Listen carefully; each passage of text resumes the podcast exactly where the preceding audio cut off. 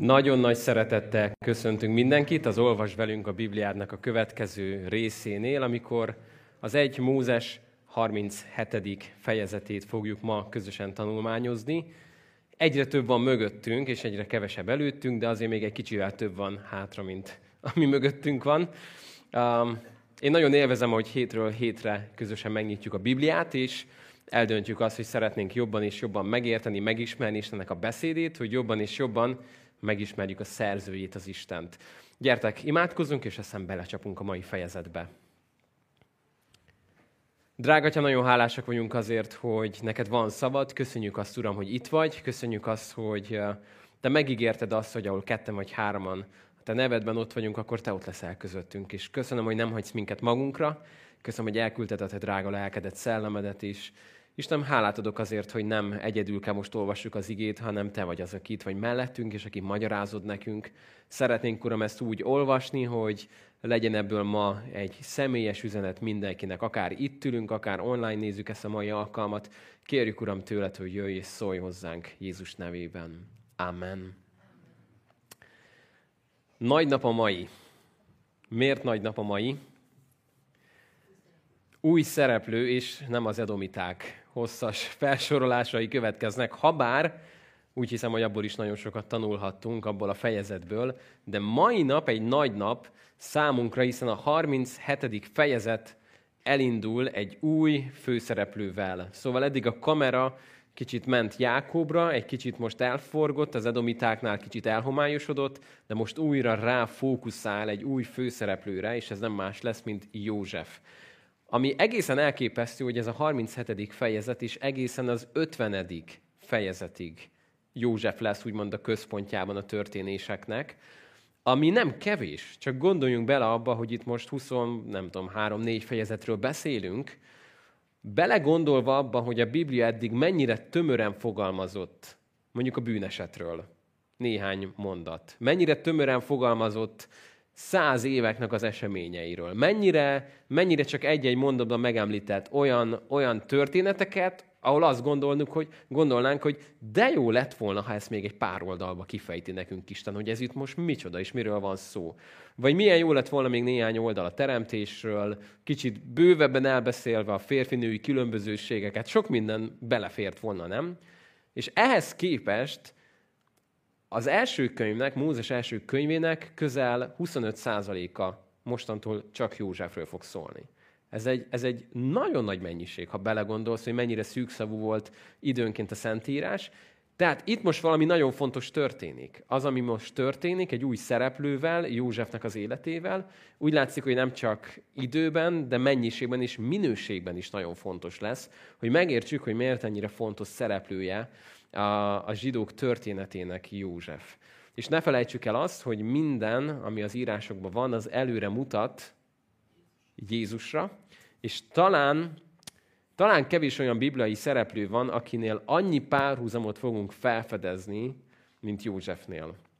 Egy, mondjuk azt, hogy még mielőtt elkezdjük olvasni a konkrét mondatokat, egy, egy abszolút pozitív szereplője a Bibliának, Olyannyira, hogy nagyon kevés olyan ember tudnánk felsorolni, mondjuk az Ószövetségből, akik, akiknél inkább csak a pozitív dolgokat látjuk. Tehát gondoljunk csak vissza a pátriarkákra. Voltak ott negatív dolgok?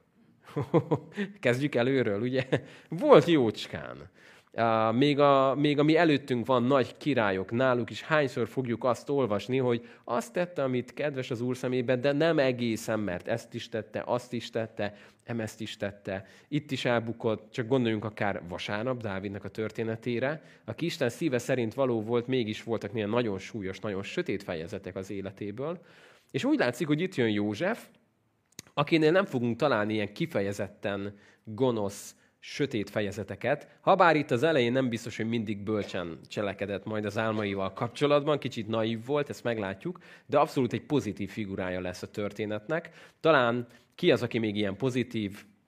Dániel, talán ő az, akire azt mondanánk, hogy ott még nem találnánk. Um, na, majd még úgy is látjuk őket, jó? Sorra, hogy majd következnek a következő hosszas években. De most akkor érkezünk meg ide, szóval 1 Mózes 37, hogyha van nálad Biblia bármilyen formátumban, akár kint az infópulton is kint vannak a kölcsönbibliák, akkor bátran vedd a kezedbe, és elindulunk az első mondattal. Az első mondat így szól, Jákob pedig atya vándorlásának földjén, Kánaán földjén lakott. Szóval itt ne felejtsük el, hogy jó emlékeztetés ez arra, hogy Isten itt mindig úgy beszél a zsidókról, pátriarkákról, hogy ők igazából vándorok. És ez talán nincsen annyira messze az új szövetségi gondolkodásmódtól, amikor azt mondja rólunk a Biblia, hogy mi mik vagyunk igazából. Vándorok vagyunk, átutazunk ezen a földön. Um, és ezt azért jó néha ízbe tartani, nem?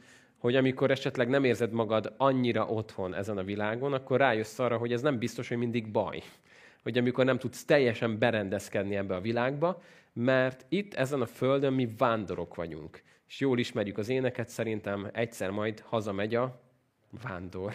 Egyszer eljön az a pillanat, mikor megérkezünk majd, és amikor már nem fogunk vándorolni, de addig a pontig mi vándorok vagyunk, és ez egy jó párhuzam már, hogy a vándor tudja, hogy valahonnan valahova megy, és míg átmegy valahonnan valahova, lehet, hogy átmegy országokon, területeken, de tudja azt, hogy ott nem kell, hogy hosszú távra berendezkedjen. Nem ott fog élni örökké, ott csak átutazik. És ezt jó, hogy a észben tartjuk mi is, hogy amikor éljük az életünket ezen a földön, tudjuk azt, hogy itt csak átutazók vagyunk. Az állampolgárságunk az a mennyországban van, és ezt, ezért mondja Pál ott azoknak, akik nagyon büszkék voltak arra, hogy római állampolgárok, mondja Pál, hogy értsétek már meg, hogy a mi állampolgárságunk az ott van a mennyben. Nem az számít, hogy római, vagy ilyen, olyan, amolyan vagy, az számít, ami az örökké valóság. Na szóval, ez csak egy kis bevezető mondat volt ehhez, és a következő mondatunk pedig már rá fog térni. Ez Jákob nemzetségének a története. József 17 esztendős korában bátyjaival együtt juhokat őrzött, bolytár volt Bilhának és Zilpának, atya feleségeinek fia mellett, fiai mellett. És József rossz híreket vitt felőlük atyuknak. Hűha. Szépen lassan haladunk majd, jó? Szóval, amit látunk uh, itt már Józsefnél, hogy um, 17 éves, csak hogy elhelyezzük, hogy most időben nagyjából hol járunk, és azt látjuk, hogy uh, volt neki egyfajta uh, naivitása, talán ez egy jó szó erre. Amikor azt olvassuk, hogy rossz híreket vitt a testvéreiről az atyuknak. Na most talán nem kell messzire menni ahhoz, hogy ilyenre példákat találjunk. Hogyha valaha is volt testvéred, vagy volt több mint egy gyermeked, akkor szerintem tudod, hogy ez milyen ez az élethelyzet, nem? Amikor valami történik, és látom, hogy a gyermekeim a fénysebességnél is gyorsabban repülnek oda hozzám, nem akkor, mikor azt kérem, hogy jöjjenek pakolni. Nem. akkor, akkor mintha fekete lyuk jelenne meg a házba, és mindenki eltűnik. Hanem amikor valaki rosszat tesz, és a másik ezt kiszúrta. Jön egyből elmondja, csak azért, hogy apa tudjon róla. Ő nem akar árulkodni, ugye? És talán nyilván gyerekként ez természetes, aztán kezdünk felnőni, és van, hogy nem mindig növünk ki ezekből a dolgokból, nem? Szóval van, amikor valaki oda megy a másikhoz, hogy te figyelj már, megosztatok veled egy ima témát. Nem akarok plegykálkodni, de hallottad azt, amit én hallottam erről meg arról az emberről? Nem akarom elplegykálni, csak hadd mondjam el neked, hogy. És igazából előbb-utóbb az ima téma után nem jön imádkozás, ami a célja lett volna, csak hogy elmondjuk, hogy ez meg az meg amaz történt, és, és Plán, amikor olyan emberekkel történik rossz dolog, akiket mondjuk mi nem annyira szeretnénk, vagy nem annyira szimpatizálunk velük, akkor azért a májunknak az jól esik. Nem, hogy te hallottad, hogy mi történt vele. Én mindig is tudtam, hogy van valami a fülem mögött. Hát most aztán bevált, amit én sejtettem, és a többi, és a többi. Na szóval József egy ilyet csinált az édesapja felé, vitte a rossz híreket. Figyeld, mi, a következő mondat viszont nagyon beszédes. Izrael pedig minden fiánál jobban szerette Józsefet, mivel öregkorában született, és cifra ruhát csináltatott neki. Mikor bátyjai látták, hogy atyuk minden testvérek közül őt szereti legjobban, meggyűlölték, és egy jó szavuk sem volt hozzá. Hát ez viszont már egy elég súlyos helyzet, nem? Ha valaki tudta azt, hogy mit jelent kivételezni, mit jelent az, amikor apának van egy kedvence, akkor az ki lehetett. Jákob, nem? Izrael. Ő az, aki ezt átélte, hogy milyen érzés az, amikor van egy Izsák, egy édesapa, van egy Ézsau, a kedvenc, apa kedvence, és én meg nem az vagyok. Ha valaki átélhette azt, hogy mit okoz a rivalizálás feleségek között? Kit szeret jobban? Kihez ragaszkodik jobban? Mennyi fájdalmat látott élete során, és mennyi fájdalmat tapasztalt ő maga, azt mondhatnánk, hogy valaki ezt, ezt átélte, akkor ez ő volt, Izrael, Jákob. És azt gondolhatnánk, hogy ha valaki nem fogja ezt elrontani, akkor ő lesz az, aki azt mondja, hogy nem, én soha többet, én erre nagyon figyelni fogok. Én tudom, hogy ez mennyire árt, és mennyire rossz volt. És azt látod, hogy pontosan ugyanaz fog történni. És egy érdekes dolog, amikor, amikor benne van valaki egy, egy mintában, egy családi mintában, de csak odáig jut, hogy á, én biztos soha nem fogom azt tenni, mint apa meg anya, de nincsen meg, hogy mit fog helyettet csinálni, nincsen egy új teremtés, nincsen egy, egy, egy új rendszer, akkor mit fog csinálni? Pontosan ugyanazt fogja csinálni. Másodpercre ugyanazt. Minden egyes dologban ugyanazt fogja csinálni, és ez rémisztő lesz, mikor hallja majd magát úgy kiabálni, ahogy kiabált vele az édesanyja, édesapja, és emlékezik arra, hogy én gyerekként megfogadtam, hogy ezt soha nem fogom mondani a gyerekemnek, és ugyanazt a mondatot mondom neki. Rémisztő. Nagyon rémisztő, de van egy örömhír, hogy azt mondja a Biblia, hogy ő megszabadított minket az atyáinktól örökölt, hiába való életmódtól. Szóval neked nem kell tovább vinned azt a rossz örökséget, amit lehet, hogy kaptál. Hanem te mondhatod azt, hogy aki Krisztusban van, az egy, az egy új teremtés. És eddig így volt, de tovább nem. Láttál már Domino Day-t?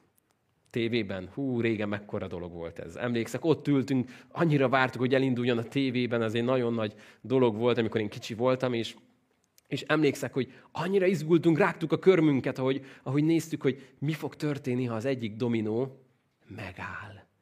És emlékszek, hogy pont amikor egyszer néztük, az elején, nem sokkal az indítás után az egyik dominó megállt.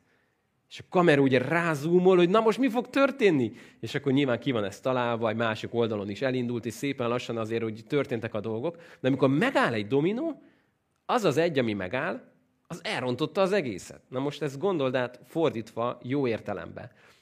Történt valami ükapáddal, ez hatása volt dédapádra, ő hatása volt a nagyapádra, ő hatása volt az édesapádra, és neked verődik ez a hatás, és te azt mondod, hogy nem ez itt nem megy tovább. Én nem fogok ennek neki dőlni. Akkor képzeld el, hogy akik utána jönnek, a fiad, az unokád, dédunokád, ők unopá, és innentől kezdve bizonytalan vagyok, jó, hogy mik jönnek még, hogy hívjuk őket. Ők azt mondják, hogy ők már nem kapják azt a löketet, amit te kaptál, mert megállt a dominó. És ez a kegyelem, amikor, amikor valami igaz volt nemzedékeken át, de az Isten azt mondja, hogy az én erőmmel ez itt meg tud állni, és nem fog tovább menni. Hát sajnos itt nem ez történt. Itt az történt, hogy Izrael, Jákob ugyanazt a mintát viszi tovább, amit ő kapott, és amit ő szenvedésként kapott, azt tovább viszi. És ez nagyon érdekes dolog, hogy amikor hallgattam egy rádió műsort nemrég az autóban, arról beszéltek benne, hogy sajnos nagyon gyakran megtörténik, hogy az a gyermek, aki bántalmazottként nő fel, az édesapaként bántalmazó lesz. És azt mondják, hogy az eszeddel nem fogod fel, hogy az, aki átélte azt, hogy bántalmazott az miért ezt viszi tovább? És odáig jutottak el, ez nem egy keresztény adás volt, hogy hát sajnos nem tudnak ehhez erőt adni. Ez, ez kell, hogy az emberben eldőljön, de a legtöbb ember ezt tovább viszi, nem tudunk mit csinálni ilyenkor. És olyan jó, hogy mi meg azt mondjuk, hogy, hogy mi tudjuk, hogy mi a megoldás. Egy új életforma, egy új DNS, egy új atyai örökség az Istenből. Na szóval, itt viszont nem ez történt, tehát ugyanaz történik, minden fiánál jobban szerette Józsefet, és egy olyan cifra ruhát adott neki, a szakértők szerint ez egy nagyon hosszú ruha lehetett. Egy, egy egészen földig érő cifra szőttes, akár egybe szőve, vagy akár színes, attól függ, hogy ki hogy fordítja ott azokat a nehezen fordítható szavakat, amik majd jönnek. A lényeg az, hogy abban a korban, amikor a férfiak nagyon-nagyon rövid ruhát viseltek, kézben is nagyon rövid volt, és lábrészben is nagyon rövid volt. Néha ma azt mondanánk rá, hogy megjelenne itt egy férfi ilyen ruhában a gyülekezetben, hogy hű, hát miért miniszoknyába jön ez. Szóval nagyon furcsa öltözék volt ebben a korban. Ennek volt egy nagyon egyszerű oka. Az, hogy ne akadályozom, amikor dolgozol. Szóval amikor mész a földre, dolgozol, térdepelsz, akkor ne bajlódjál a ruhával. És amúgy, mivel a klíma meg egész meleg, ezért általában nem kellett, hogy nem tudom, leérjen a legalúra, hanem kényelmes legyen, tudja benne mozogni, és ne akadályozon a munkában. Na most azzal, hogy József kapott egy borzasztó hosszú, nagyon különleges ruhát, ez egy üzenetet hordozott. hogy fiam, neked, neked nem kell így dolgoznod. Te nyugodtan kíméld meg magad a kemény fizikai munkától. Lehet, hogy te vagy most az egyik legkisebb, meg, meg sokkal idősebbek a többiek, de tudod mit? Te leszel apának a, a szeme, jó? Majd te figyeled a többieket. Lehet, hogy nem neked, meg ott van Ruben, de mindegy, te leszel az én emberem ebben, jó?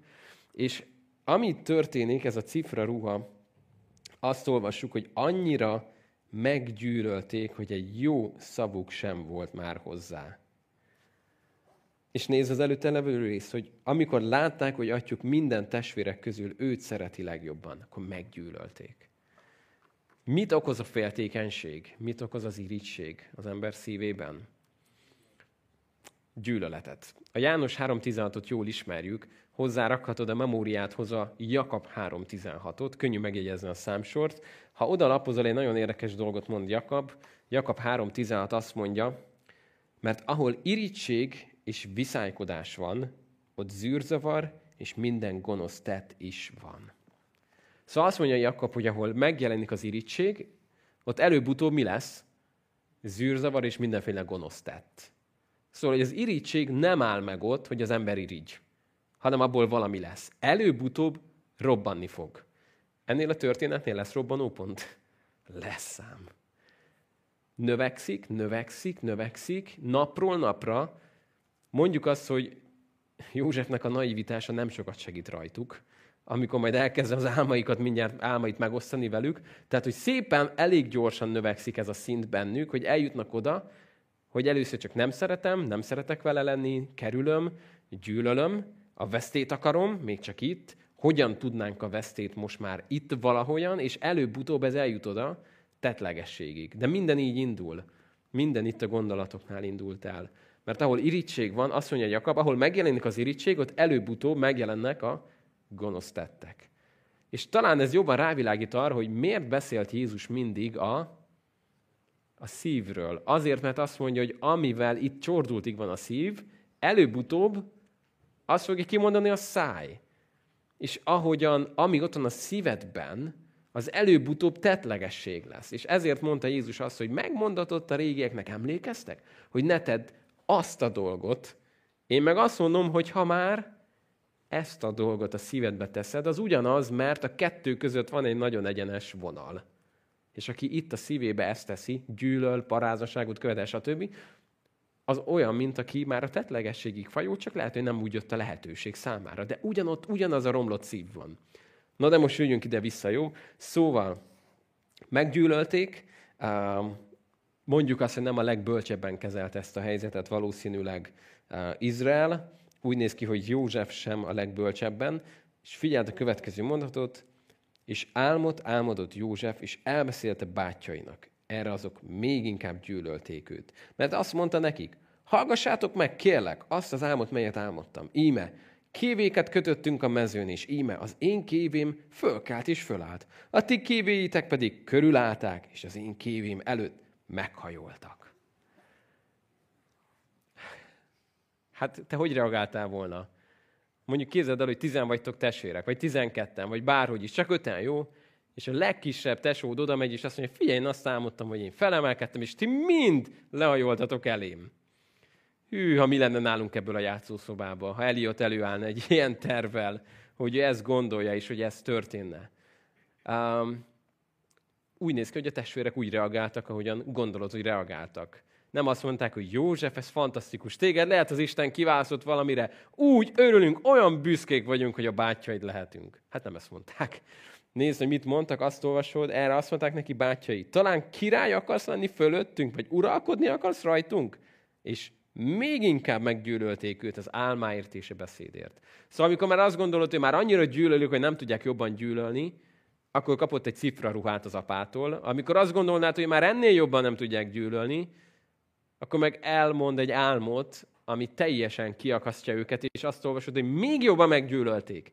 És amikor azt gondolnád, hogy már ennél jobban nem tudják meggyűlölni, figyeld a folytatás, más álmot is álmodott, és azt is elbeszélte a bátyjainak. Ezt mondta. Íme, megint álmot álmodtam, a nap és a hold és a tizenegy csillag meghajolt én előttem. Itt van egy nagyon fontos tanulság, amit talán jó megérteni. Nem kell mindig mindent kimondjál, amit gondolsz. Ez egy fontos tanulság. Nem kell mindig mindent elmondja, amit gondolsz. Néha azt gondolnak, hogy hát tudod, belőlem csak úgy jön mindig ősz. Én egy ilyen őszinte ember vagyok. Hallottál már ilyet? Én csak úgy mindig, ami, tudod, ami a szívemben, az a számon, én mindig elmondom.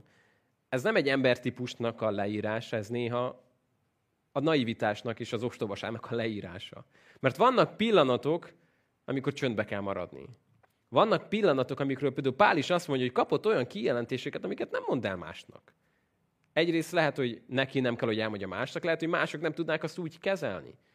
De József itt ezt még talán nem annyira érezte, hogy az első álom megosztása nem volt annyira klassz a végeredménye, akkor lehet, hogy azt mondhatom volna, hogy jó, ezt a másodikat inkább magamba tartom, de elmondta. Nekünk jó, hogy elmondta, mert így tudjuk, hogy miket álmodott, és egyfajta visszaigazolás lesz majd, amikor ezek a mint proféciák beteljesednek nem sokára.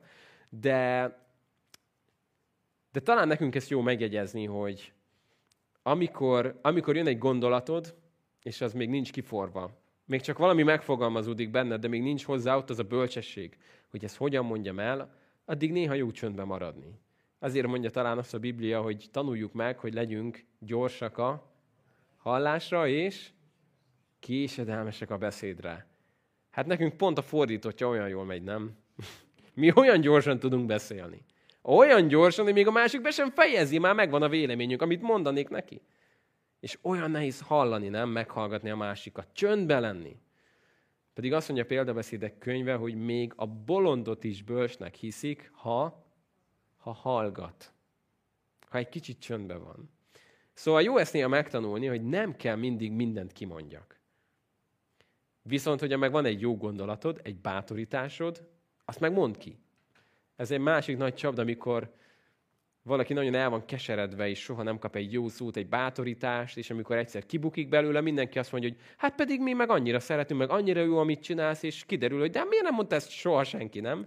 Szóval, hogyha van egy jó gondolatod, van egy bátorításod valakire, valakit rajta kapsz valami jó dolgon, akkor ezt viszont mondd ki. Azt mondd el neki, hogy figyelj, milyen ügyes voltál ebbe, de jó ez, de jó, stb. stb. Tehát jó ezt kicsit úgy megszűrni, hogy ami jó, ami életre visz, ami kedves, ezért mondja a Kolossi levélben Pál, hogy a beszédetek legyen mindig kedves, sóval fűszerezett, hogy áldás legyen annak, aki hallgatja.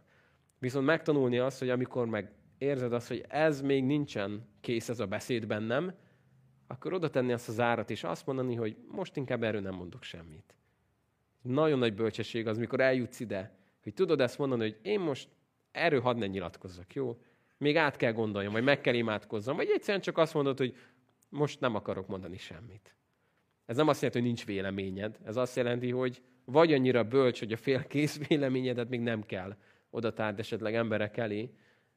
És talán erre is vonatkozik, amit mond Jézus, hogy a gyöngyeiteket ne szórjátok a disznók elé. Szóval nem kell minden gyöngyet mindig kidobni. Van, amikor meg kell ezt tanulni. Na, de eljutunk ide, szóval eddig úgy látszik, hogy ez a testvéreknek nem tetszett, ami elhangzott, hogy a kévék lehajolnak. Most ez a második álom, ez kicsit kibővült, mert nem csak arról van szó, hogy a csillagok, hanem a nap és a hold. Hát ő, ha az első álom még, még lehet, hogy tetszett is akár az édesapjának, Izraelnek, akkor viszont ezt olvasod, elbeszélte ezt atyának is bátyjainak, de atya megdorgálta. Milyen álom az, amelyet álmodtál? Vajon elmenjünk-e, én és anyád és testvéreid, hogy földig hajoljunk előtted? Irigykedtek azért rá a bátyjai, atya pedig elméjében tartotta ezt a dolgot. Amit kérdez itt Izrael, hogy menjünk el és hajoljunk majd meg előtted, ez meg fog történni? Ez pontosan meg fog történni. Ez fog történni, amit kérdez. Szóval a válasz az, hogy igen, el fogtok menni, és meg fogtok hajolni majd előtte.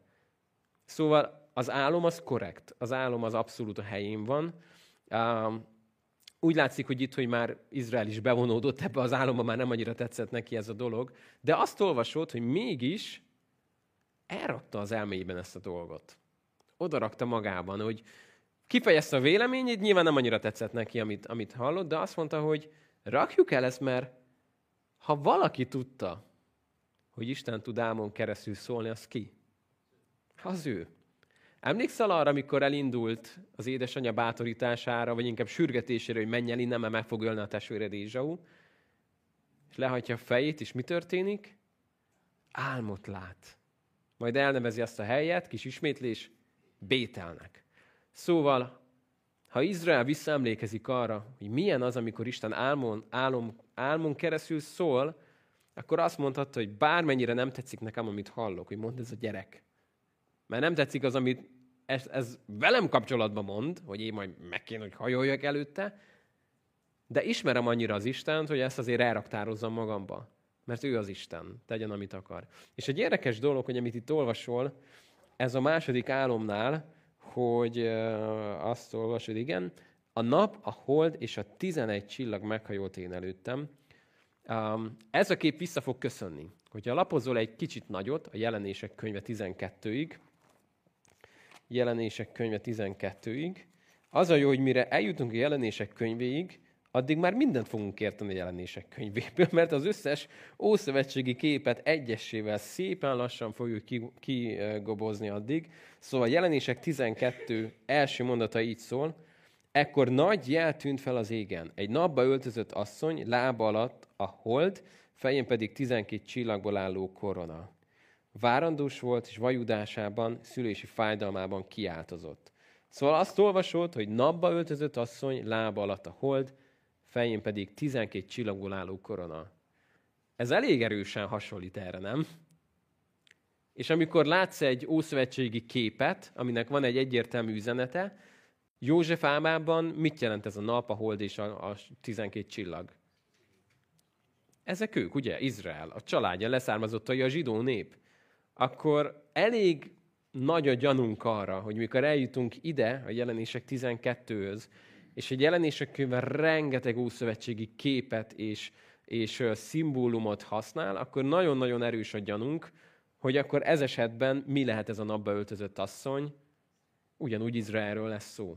Uh, jó, most kicsit még legyetek türelemmel 24 és fél évig, vagy nem, 25 évig, míg úgy rájutunk a jelenések 12-ig. Most ugorjunk vissza, jó? Ide Mózes első könyvéhez, a 37. fejezetéhez. Szóval ez csak, ahogy, ahogy Izrael elrak, elraktározta a fejében ezt az álmot, most ti is raktározzátok ezt a fejetekben, jó? Egy jó kis időre. Szóval, atya elmeiben tartotta ezt a dolgot. Következő vers, 12. Mikor pedig bátyai elmentek Sikembe, hogy atyuk juhait őrizzék, ezt mondta Izrael Józsefnek. Bátyait Sikembe legeltetnek. Gyere, elküldenek téged hozzájuk? Ő pedig így felelt, imhol vagyok. Um, Sikem, ismerős. Volt ott valami? nem is olyan régen, nem? Mi volt ott? Vérfürdő. Úgy kellett onnan elmenekülniük, hogy Isten megóvja őket. Emlékeztek, hogy mennyire megijedt Jákob Izrael, hogy, hogy kevés vagyok, és rám törnek, és végünk lesz, és eltipornak minket? Menjünk el innen, úgy ott vett egy területet. Most mégis úgy látszik, hogy kicsit úgy lenyugodtak a kedélyek, lehet, hogy megvolt még ez a megvett terület, és akkor mennek oda-vissza legeltetni a, a fiúk. Nyilván ez egy vándorló állattartás volt, elég hamar lelegelték azt a területet, ahol éppen voltak, menni fel, fel, fel, új legelőkért, friss területekért, Um, ezt mondta neki az atya, 14. vers, menj el, nézd meg, hogy mint vannak bátyáid és a juhok, és hozz hírt nekem. Elküldte tehát őt Hebron völgyéből, Sikembe ment. Mikor a mezőn bolyongott, rátalált egy ember, és megkérdezte őt, mit keresel? Ő elmondta, bátyáimat keresem, kérlek, mondd meg nekem, hol legáltatnak. Azt felelte az ember, elmentek innen, mert hallottam, hogy beszélték. Menjünk Dótánba! Elment azért József a bátyai után, és megtalálta őket Dótánban. Na itt állj meg egy pillanatra, mi történik. Um, kicsit hasonlít ez a történet kinek a történetére. Menj el, nézd meg a testvéreidet. Dávidnál van azért valami kis hasonlóság, nem? Mikor az apja elküldi, Dávid, menj el, nézd meg a testvéreidet, bátyaidat, mi van a csatamezőn, stb. Hoz nekem hírt. Itt meg azt látjuk, hogy egy kicsit másfajta hírvivésnek a szerepe van.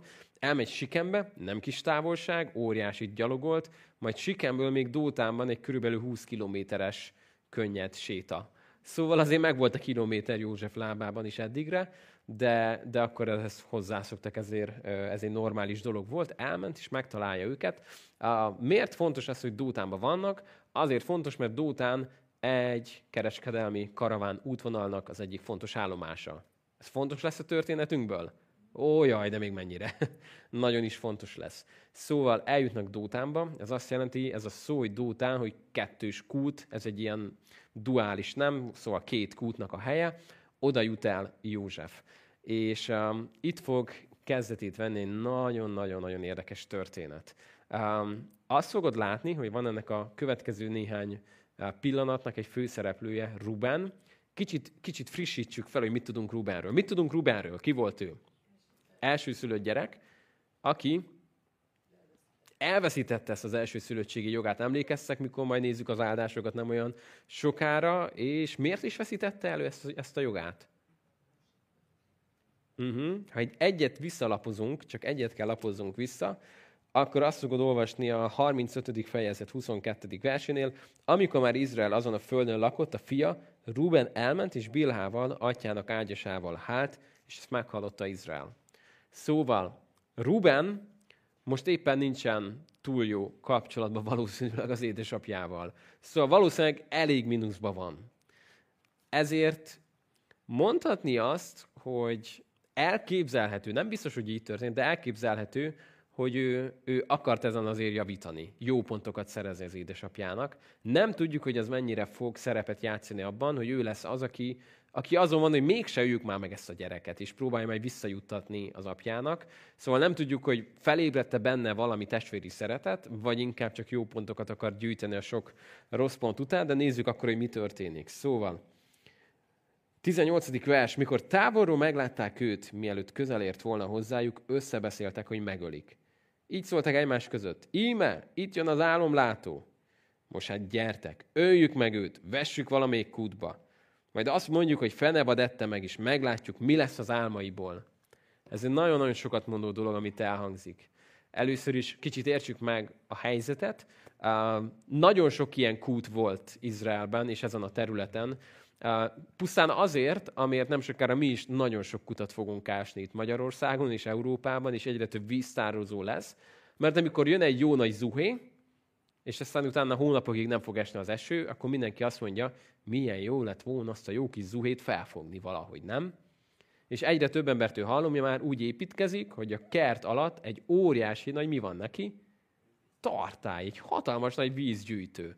És van szép fű, és alatt egy óriási nagy vízgyűjtő, és ő abból fog egy csomó mindent majd csinálni, mert ha jön egy jó nagy eső, az ne csak elfolyjon az utcán, valahogy azt szedjük össze. Na most ezen a térségen, ahol igazából van a korai, meg késői eső, aztán utána jó nagy szárasság, ezért rájöttek akkor az emberek, hogy valahogyan kellene felfogni a vizet. Úgyhogy voltak kutak, amiket nagyon mélyre leástak, és felfakadt a víz, de voltak olyan kutak, ciszternek, víztározók, aminek az volt a szerepe, amikor jön az eső, akkor mit csináljon? Tározza a vizet, azért víztározó. Na most ez azért fontos, mert az egész Biblia mindenhol összefügg. Amikor Isten azt mondja a népének, hogy kettős panaszom van ellenetek, hogy engem az élő víz forrását elhagytatok és repedezett falu, víztartókat vájtatok, amik nem képesek megtartani a vizet. Ez onnan jön, hogy amikor ilyen nagyon mély víztározókat vájtak a, a sziklás talajba, és jött egy óriási nagy zuhé, és mindenki nagyon örült, hogy megtelik színültig, majd kiderült, hogy a fala repedezett. Mikromozgások miatt pont annyira megrepedezett a fala, hogy másnap reggelre az összes víz eltűnt belőle. Csak hogy értsük a képeket, amiket a Biblia használ. Na egy ilyenbe dobták bele majd Józsefet, azért olvasjuk azt, hogy nincs benne már víz. Tehát, hogy ott már vagy elment, vagy repedezett volt, vagy már kiszáradt teljesen. Na, de nézzük akkor, mi történik. Ja, és azt mondják, meglátjuk, mi lesz az álmaiból. Emlékszünk arra a legelején a Biblia olvasásunknak, hogy amikor a kígyó meghallja az ítéletet, hogy jön majd egy utód, aki rá fog taposni a fejére, hogyan tudok megszabadulni ettől az ígérettől, ha ha megölöm ezt a nemzetséget. Akkor mi történik? Második férfi megöli a harmadikat. Nem sokon múlott az, hogy véget ér az egész. Hát ha nincsen utód, akkor nincsen profécia, nincsen ígéret. Most a tesók hallották, hogy Józsefnek van egy ilyen álma, nehogy valóra váljon. Hogy tudjuk ezt megakadályozni? Ha megöljük, akkor hogy fogunk előtte letérdelni? Sehogy. Akkor ezt megússzuk. Szóval azt mondják, hogy öljük meg, meglátjuk majd, mi lesz az álmaiból. Na és akkor itt jön be Ruben, 24. vers. Meghallott ezt Ruben, megmentette őt a kezükből, és ezt mondta. Ne üssük agyon, majd ezt mondta nekik. Ne ontsatok vért, vessétek őt ebbe a kútba, mely itt a pusztában van, de kezet ne vessetek rá. Azért mondta, hogy megszabadítsa őt a kezükből, és visszavihesse atyához. Azért abban biztosak lehetünk, hogyha ha jó a feltételezés, ami nem biztos, de ha jó a feltételezés, és Ruben visszajutatja az atyához, és azt mondja, hogy apám, ezek az idióták meg akarták ölni. Én voltam az, aki kimentettem a kezükből, és visszahoztam neked a kedvencedet. Azért ez egy jó pont lett volna neki. Valahogy szépített volna a pontszerző táblán. De nem tudjuk, hogy ez volt-e az indítéka. Na nézzük meg akkor, hogy mi történik. 23. vers. Amikor József odaért a bátyjaihoz, letépték a felső ruháját, a cifra ruhát, mely rajta volt. Megragadták, belevetették a kútba, a kút pedig üres volt, nem volt már benne víz.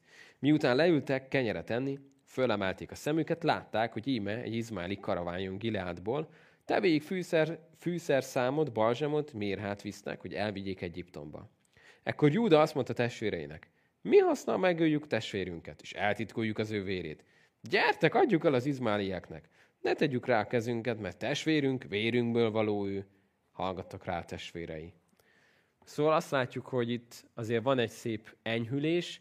Valószínűleg nem az győzte meg őket, hogy a testvérünk, hanem az, hogy ha eladjuk, akkor még pénzt is kapunk érte. Még pénzt is kapunk érte. Ha megöljük, azért, na, csak megöljük, azért az meló, meg azért emlék, meg ki, na, ki fogja megölni, azért ez csak egy fájdalmas dolog. Ha eladjuk, akkor kapunk érte pénzt, őt elviszik rabszolgának, soha többet nem fogjuk látni. Mi annak a valószínűség, hogy egyáltalán túlél egy évet rabszolgaként, Emlékezzünk rá, hogy mibe volt. Egy cifra hosszú ruhába. Na most, ha rabszolga lesz, akkor nem egy cifra hosszú ruhába lesz, hanem milyen munkát kell végeznie? Rabszolga munkát. Szerintünk meddig fog élni? Nem sokáig. Nem hiszem, hogy sokat fogja húzni. Szóval adjuk el, kapunk érte egy jó kis pénzt, látják majd milyen szép kis megkímélt keze van, jó pénzt kapunk érte. El vagyunk vele, így is akkor megoldjuk ezt a helyzetet. Szóval valami ilyesmi lehetett itt a motiváció. Közben, 28. vers, a mindjáni kereskedők arra mentek. Ekkor fölhúzták Józsefet a kútból, eladták az izmálieknek 20 ezüst pénzért. Azok pedig elvitték Egyiptomba. Na most itt egy pillanat rájunk meg. Azt mondtam az elején, hogy rettentően sok párhuzamot fogunk felfedezni József és Jézus között, ahogyan előre mutat nagyon sok mindenben. Itt egy kicsit álljunk meg, és csak amit eddig láttunk, azokkal egy kicsit dolgozzunk. Um, néhány párhuzam lehet, hogy erőltetetnek fog tűnni, de számomra mindegyik nagyon szép, ahogyan, ahogy felfedezzük egyiket a másik után. Kezdjük azzal, amit először megtudtunk Józsefről, hogy ő volt az atyának a, a kedvence. Ebbe érzünk párhuzamot? Íme az én szeretett fiam, akiben gyönyörködöm. És egy érdekes feltevés néhány szakértő szerint, hogy az a szó, ami a cifra szó a ruhánál, ez a színes szőttesnek egy különös ilyen szava, nagyon ritkán fordul elő. Ez elképzelhető, hogy ugyanaz a szó, ami majd később a arámi nyelven akkor találjuk majd az új szövetségben, amikor Jézusnak azt mondják a köntöséről, hogy én egybeszőtt ruha volt. Hogy szinte ugyanaz a, az, a, az a kifejezés van itt is és ott is. Um, talán lehet ez is egy párhuzam, de ami ennél sokkal erőteljesebb párhuzam, hogy amit látunk, hogy atyának a kedvence, majd mégis meggyűlölik a testvérei, és a veszélyt akarják okozni. Ez, ez igaz lehet Jézusra? Azt olvasjuk János egyben, hogy az övéi közé jött, de az övéi nem fogadták be őt. És amit látunk még, hogy Józsefnek volt egy álma, hogy egyszer minden tér meghajol előtte, ugye? Apja, anyja, minden testvér. Van párhuzam? Hogy minden nyelv vallja, hogy Jézus Krisztus Úr az Atya Isten dicsőségére, és azt olvasjuk, hogy és minden térd meghajoljon. Menjen földön és föld alatt. Aztán itt van egy érdekes párhuzam, egy, itt, amit a 28. versen olvastunk, hogy fölhúzták Józsefet a kútból, és eladták az izmálieknek 20 ezüst pénzért. Felmérték az árát, eladták. Felbecsülték, mennyit ér. Van párhuzam? Amikor azt olvassuk, hogy Júdás elmegy és elárulja Jézust, és mennyire becsülik majd, ugye, látod ott is ezt a 30-ast. Ennyire becsülték, felbecsülték az árát. Aztán, ha kicsit majd tovább megyünk József történetében, lesz még jócskán párhuzam. Például csak itt egyet-egyet hadd említsek meg. Amikor mondjuk a Potifár házába kerül, és kiállja a próbát, nem vétkezik, és mégis rágalmazzák, és hazugságot mondanak róla, és úgy kerül ítélet alá. Mit látunk Jézusnál? Ugyanezt látjuk, hogy az, aki nem ismert bűnt, ugye, aki kísért és szenvedett mindenben, de soha nem védkezett, kiállta a próbát, mégis azt mondja Izsaiás proféciában, hogy rendes ítélet nélkül fogják elítélni. Bűnösök közt adnak neki is helyet. Azt látjuk, hogy Jézusnál a vád pillanataiban hamis tanukat sorakoztatnak fel. És olyan hazugságokat koholnak, hogy valójában próbálják ugye a veszélyt okozni, olyan kiforgatott mondatokat, amiket ő soha nem úgy mondott, olyan dolgokat, amik soha nem történtek meg. Aztán még egy utolsót hadd hozzak. Amikor majd később József a börtönbe lesz, és van mellette két ember, az egyik megmenekül, a másik meghal. Jézus ott van a kereszten, és van mellette két lator. Az egyik megmenekül, mert még ma velem leszel a paradicsomban, a másik ott fog meghalni a bűnében, a védkében. Szóval szeretném, ha csak látnád azt, hogy nem gondolom, hogy véletlen, hogy ekkora hangsúly kerül itt Józsefre, és ennyi fejezeten keresztül fogjuk az ő történetét látni, mert nagyon-nagyon-nagyon sok előkép van benne elrejtve, ami előre mutat majd Jézusra, és akkor itt vegyük fel a szálat, tehát pont ahol most felbecsülték őt 20 ezüstpénzért, azok pedig elvitték Egyiptomban. 29. vers, Ruben pedig visszatért a kúthoz, és íme József nem volt a kútban, mire megszaggatta ruháit. Visszatért testvéreihez, és azt mondta, nincsen meg a gyermek. És most merre menjek? Akkor vették József felső ruháját, leöltek egy kecskebakot, és belemártották a ruhát a vérbe. Elküldték a cifra ruhát, és elvitték atyukhoz, és ezt mondták, ezt találtuk, fölismered-e, hogy a fiad ruhája vagy nem? Na itt is meg egy pillanatra. Emlékszünk arra, amikor Jákob, vagyis Izrael sok-sok-sok évvel ezelőtt becsapja az édesapját. Emlékszünk arra, hogy hogy indul? Úgy indul, hogy kihallgatja az édesanyja, hogy mi történik, mi a, mi a helyzet, hogy hogyan kellene ezt az áldást megszerezni, és gyorsan leülik azt az állatot, ugye? Hogy aztán gyorsan menjenek és, és átverjék az édesapát. Emlékszel arra, hogy hogy verte át utána lábán majd ugyanígy Jákóbot? Amikor másnak a ruhájába öltöztette be, úgymond, egy más embert adott oda, mint akin a ruha kellett volna legyen. Szóval azt látod, hogy ugyanazok történnek vele, és most ugyanúgy lesz átverve egy leölt kecskebakon keresztül, ahogy a nő átvert a saját édesapját. És nehogy félreértsétek, ez nem valami buddhista instant karma, meg nem tudom milyen tanítás. Ez csak arról szól, hogy az életben nagyon sokszor megtörténik az, hogy amit vet az ember, azt le fogja aratni. És hogyha Isten országába vetek, ha a szellembe vetek, akkor onnan aratok életet. Ha a testbe vetek, onnan aratok majd pusztulást. És úgy látszik, hogy nagyon sokszor Isten nagyon igazságosan kiméri azt, amit az ember kimért. Csak vasárnapra visszautalva, amikor Nátán példázatára emlékszünk talán, mikor elmondja Dávidnak ugye az, hogy volt az az ember, egy báránya, emlékeztek, hogy ez mennyire közeledett Dávidhoz, hiszen ő egy pásztor, hát ő szereti a bárányokat. És törvény szerint mi lett volna a jogos büntetés? Fizesse meg a négyszeresét. Ez lett volna a jogos büntetés, ugye? Ennyi. Dávid mit mond? Halljon meg. Csak nagyon halkan, hadd gondolkodjunk egy kicsit. Mi lett volna vajon akkor, ha azt mondja Dávid, hogy akármennyire is felbosszantom magam ezzel, hogy mit csinált ez az ember, legyünk igazságosak, fizesse meg négyszer annyit, más nem szabok ki rá.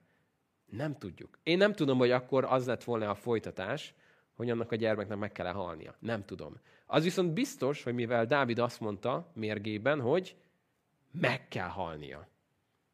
Nem tudom. Ez csak egy nagyon halk, zárójeles gondolat. Isten később elmondja neki, hogy nem, nem veszem az életedet, Dávid, neked nem kell meghalnod.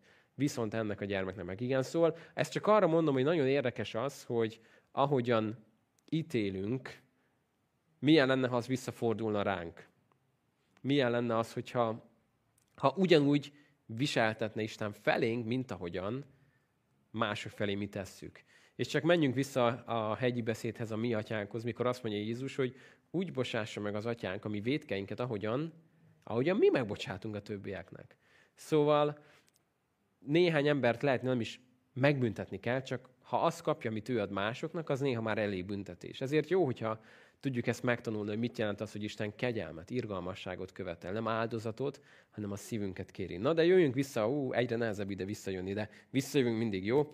Szóval, 33. vers. Ő megismerte azt, már mint ugye az édesapa is ezt mondta, a fiam felső ruhája ez, fenevadette meg őt. Bizony széjjel szaggatta Józsefet. Megszaggatta Jákob a ruháit, zsákba öltözött, sokáig gyászolta a fiát. Fölkelt valamennyi fia, leánya, hogy vigasztalják őt, de nem akart vigasztalódni, hanem ezt mondta. Sírva megyek fiamhoz a sírba. Így síratta őt az atya. És innentől kezdve ő halottnak hiszi Józsefet húsz éven keresztül. Azért az nem kis idő. Gondold el, hogy elveszíted a 17 éves gyermekedet, és mondjuk egy 20 éven keresztül halottnak hiszed. Azért ez egy elképesztő dolog. Az utolsó mondat így szól ebből a fejezetből. A midjániak pedig eladták őt Egyiptomba, Potifárnak, a fáraó főemberének, a testőrök főhadnagyának. A Potifáról majd legközelebb kicsit hosszasabban beszélgetünk. Itt álljunk meg egy kicsit, és, és dolgozunk azzal, amit viszont még eddig olvastunk. Ami nagyon érdekes ebben az egész történetben az, hogyha visszalapozok egy kicsit, mondjuk lapozzunk vissza elég sokáig,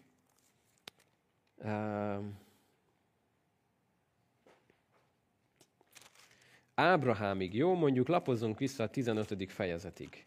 A 15. fejezetnél, amikor Isten ad neki egy, egy ígéretet, egy kijelentést, akkor olvassátok el velem együtt itt a 13. verset. Szóval a 15. fejezet 13. vers, ezt mondja, akkor az Úr ezt mondta neki, ugye Abrámnak, Tudván tudjad, hogy a te magod jövevény lesz olyan földön, mely nem az övé, szolgálatra szorítják és nyomorgatják őket 400 esztendeig.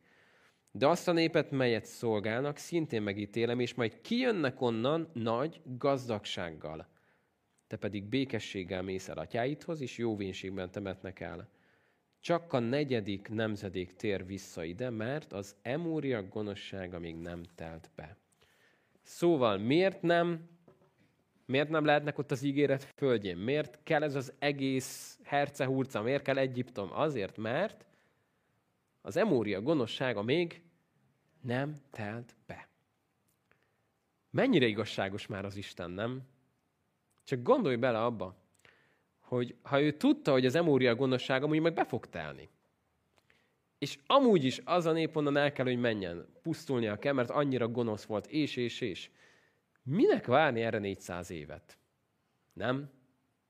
De úgy látszik, hogy az Isten annyira igazságos, hogy azt mondja, hogy megadom nekik az időt a megtérésre. Méghozzá nem keveset, mennyit? 400 évet. Képzeld el, amikor 400 évig vársz arra, hogy valaki megváltozzon, és azt mondod 400 év után, hogy na jó, ez már most nem fog megváltozni. 400 év után.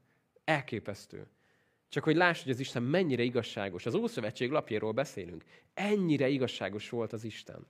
És itt elmondta, hogy ezért fog az történni, hogy jövevények lesztek, lesz ennek egy ideje, és megmondom, hogy ez hogy fog történni, de onnan arról a helyről majd, hogy mentek ki?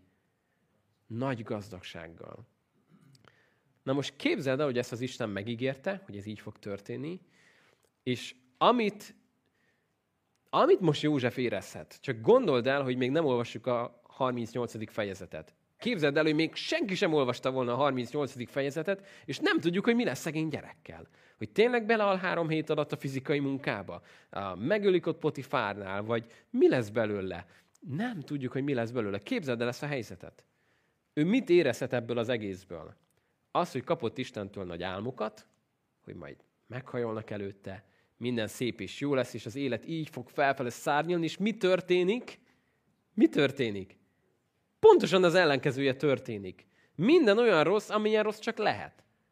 Most szembesül azzal, hogy a testvérei gyűlölik, ha eddig ezt nem nagyon tudta esetleg összetenni magában, Rabszolgának adták el. Tehát nem az, hogy kemény munkát kell végezzen két műszakban. Rabszolga. Az élete semmit nem ér. Rabszolga. Innentől kezdve azt tesznek vele, amit akarnak.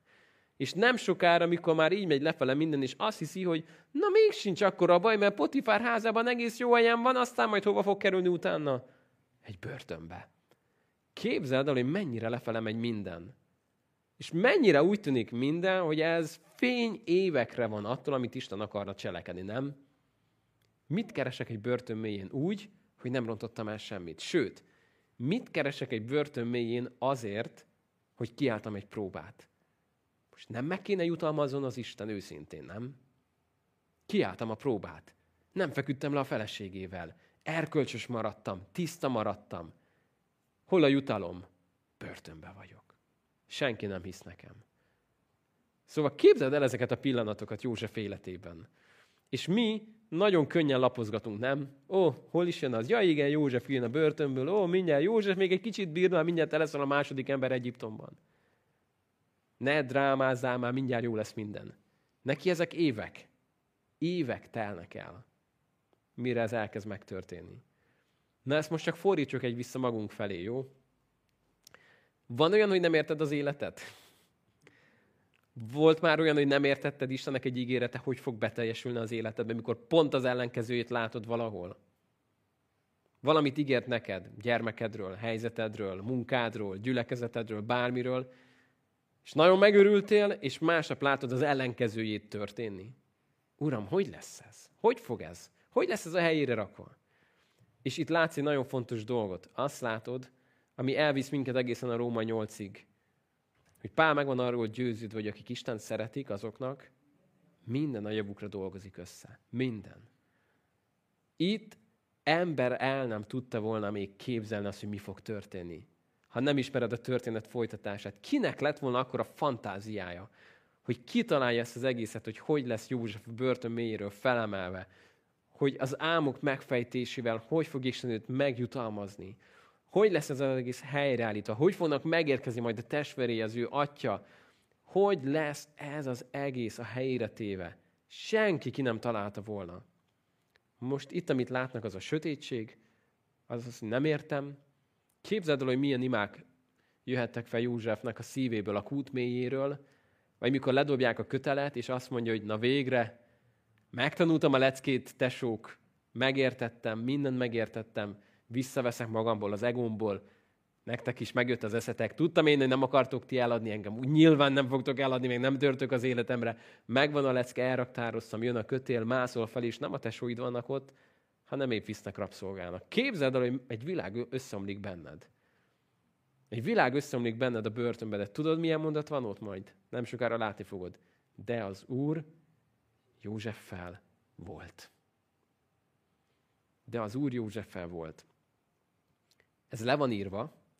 Nem tudom azt, hogy József ezt 24 órában így érezte, vagy nem. De le van írva.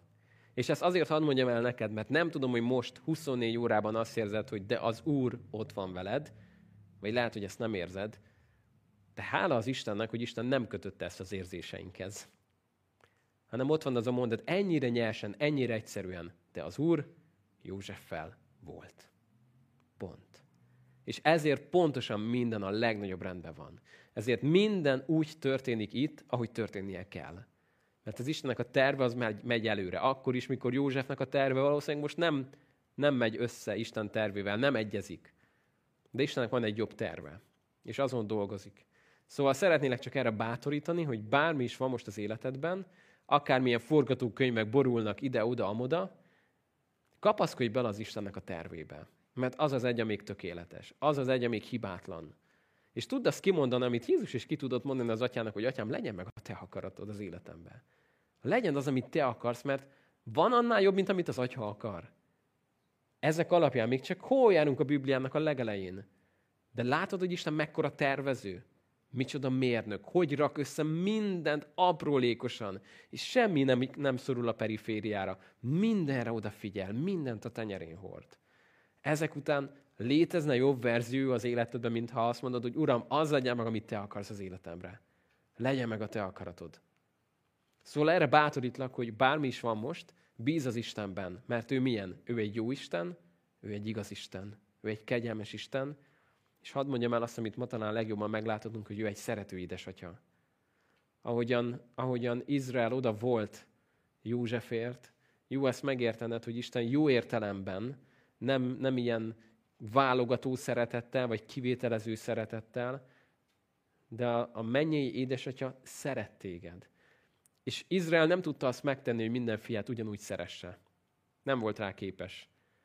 A mennyei atya viszont meg tudja ezt tenni, hogy ugyanúgy szeret téged. Tudod miért? Mert azt mondja a Biblia, hogy az Istennél mi nincsen? Nincsen nála személyválogatás. Nincs nála személyválogatás. Szóval nincsen kis kedvence. Nem ül melletted, nem ül előtted, hanem Isten szeret téged, és pont. És szeretném, hogy belekapaszkodnál az ő szeretetébe, és belekapaszkodnál abba a mondatba, hogy de az Úr ott volt veled. És lehet, hogy most éppen írnád a fejezetét az életednek, és épp nem érted, hogy mi van, meg mi történik, de nyugodtan írd oda azt a mondatot, hogy de az Úr ott van velem. Pont. És aztán lehet, hogy most fogsz egyet lapozni, és elolvasnád a fejezet címét, és el se hinnéd, hogy mi fog történni. El se hinnéd, hogy mi jön ezután. Képzeld el, hogy valaki oda ment volna Józsefhez a börtönben, hogy nézd József, megtaláltam az élet történetedet. Az következik most, hogy te leszel a második legnagyobb ember Egyiptomban. Ez a... ne nevettes már. Hogy hogyan lehetséges egy börtön mélyéből? Örülök, ha megélem a holnapot. De az Isten ott volt velem. Szóval egy új fejezet indult ezzel most el. József lesz a főszereplője egy ideig a történetünknek. És szeretném azt, hogyha nem csak az ő életét tudnánk tanulmányozni, hanem ezt tudnád a sajátodhoz odavinni. Hogy de mi, mi köze van ennek az én életemhez. És szeretném, hogy ezeket, amiket József meglátott Istenből, ezeket te tudnád a saját életedre alkalmazni. És most az elsőbe kapaszkodj bele, hogy az Úr ott van veled, hogy akár a kút mélyén vagy, akár épp eladtak kereskedőknek, bármi is történt. Nem tudtak más tenni, csak azt, ami az Isten terve volt. Mert később majd József megérti azt, hogy ti rosszat terveztetek ellenem, de az Isten egy óra fordította azt. Nem tudtak neki ártani. Nem tudtak. És ebbe kapaszkodj bele, hogy van egy ilyen Isten, aki nem csak József életére viselt így gondot, hanem a te életedre is, meg az én életemre is. És hogy engeded azt, hogy az ő terve legyen az életedben, annál nincsen jobb. Annál nincsen jobb. Lehet, hogy József kibékült volna azzal, hogy legyen egy komfortos élete, ott kint a pusztában, a vándorlásban, lehet kibékült volna azzal, hogy legyen két cifra ruhája, tudja őket cserélgetni, és lehet kibékült volna azzal, hogy a testvérei ne bántsák. És ha ezt valaki odatta volna, ezt elfogadom, ez egy jó élet. Ennél Isten nagyobbat tartogatott neki. Egy kicsit nagyobbat, nem? Egyiptom hercege, és a többi, és a többi. Csak az út egy kicsit szerpentin meg kanyargós, mire ezt majd meglátja. Szóval hidd el azt, hogy Istennél van az irányítás, és hadd fejezem be egy idézettel, ami nekem nagyon sokat jelent mostanában. Így szól ez a mondat, hogy nem mindig tudod uh, kézben tartani az irányítást, de mindig oda tudod szenni magad Istennek. És ez nekem nagyon sokat jelent sokszor, hogy nem mindig tudod a kontrollt, nem mindig tudod az irányítást, de mindig oda tudod szenni magad az Istennek. És mindig oda tudod adni magad, hogy Uram, itt vagyok, tiéd az életem. Legyen meg a te terved. És amikor nagy nehezen odaadjuk az Istennek a kormányt, akkor rájövünk, hogy mindig nála volt, nem? Egyszer mentünk autóval, és talán Eliotnál vagy Barninál volt egy ilyen kormányszerű valami, és szórakoztak, mintha ők vezetnék a kocsit. És egy idő után azt mondták, hogy na jó van, apa, most akkor vezessél már te. Mondom, rendben, jó, akkor mostantól én vezetek. Néha ilyen, mint odaadjuk a kis játék kormányt az Istennek nagy lelkön, hogy akkor most vezessél te. Ő meg mondja, hogy drágám, eddig is nálam volt a kormány, de mégis megvan ennek a szerep, amikor odaengeded az Istennek, és nem nyúlkálsz bele, nem próbálod javítani, hanem engeded azt, hogy ő vezesse az életedet. Szeretném, ha most itt megállnánk, és gyertek, adjunk ezért hálát az Úrnak. Istenem, én áldalak téged azért, mert jó vagy, áldalak téged, Istenem, azért, mert megtartod a te ígéreteidet is. Köszönöm, Istenem, hogy annyi mindent tanulhatunk József életéből, annyi, annyi kép, annyi előkép, annyi párhuzam van benne elrejtve is, és annyira csodálatos látni azt, hogyan te megtartod a te beszédedet is. Köszönöm, Atyám, hogy ez majd üzenet számunkra is, hogy bármi történik, bármi van, Uram, te vagy, a, te vagy az Isten, te vagy a trónon. És köszönöm, hogy akármi történik, akik téged szeretnek, azoknak minden a javukra összedolgozik. Szeretnénk, Uram, most így megerősödni ebben, és szeretnénk, Uram, a te ígéreteidbe belekapaszkodni, szeretnénk azokat elraktározni a szívünkben, az elménkben, és köszönöm, hogy amit te megígérsz, azt mindig megteszed. Hálásak vagyunk ezért, atyám. Amen. Következő fejezet egy nagyon izgalmas fejezet lesz. Úgy tűnik, hogy mintha elbúcsúznánk Józseftől, de nem, csak egy kicsit majd látni fogod, hogy miért van ide beékelve ez a fejezet. Ennek nagyon nagy szerepe lesz. Utána majd a 39-esnél jövünk vissza Potifárhoz, meg Józsefhez. Um, a java még hátra van. Most ennek a legizgalmasabb részek. Tudom, hogy mindegyik alkalom előtt ezt mondtam, hogy ez az egyik legizgalmasabb a mai, de higgyétek el, hogy most jön még csak a java. Úgyhogy bátorítlak titeket, hogy nyugodtan olvasgassátok előre, zárjátok a szívetekbe, tanulmányozzátok, és hiszem azt, hogy nagyon-nagyon sok minden van itt még elrejtve. Közeledik az 50. fejezet, már én látom az alagút végén, hiszen 38. jön legközelebb.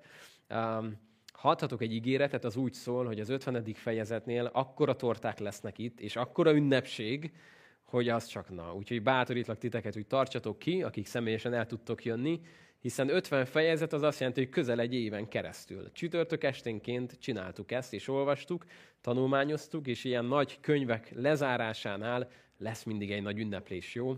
Azt nem ígérem meg, hogy mondjuk Abdiásnak azt az egy fejezetét ugyanilyen tortákkal fogjuk majd mindig lezárni, de egy nagy könyv le- lezárás az, az mindig ünneplés lesz. Úgyhogy uh, Isten áldjon mindenkit, titeket is, minket is, azokat is, akik online velünk voltatok, tőletek most elbúcsúzunk, Isten áldjon titeket. Akik viszont itt vagytok személyesen, azt tanácsolom, hogy maradjatok még, beszélgessetek, elmélkedjetek ezeken, és, és gyűjtsétek össze, hogy milyen tortákat szerettek majd is.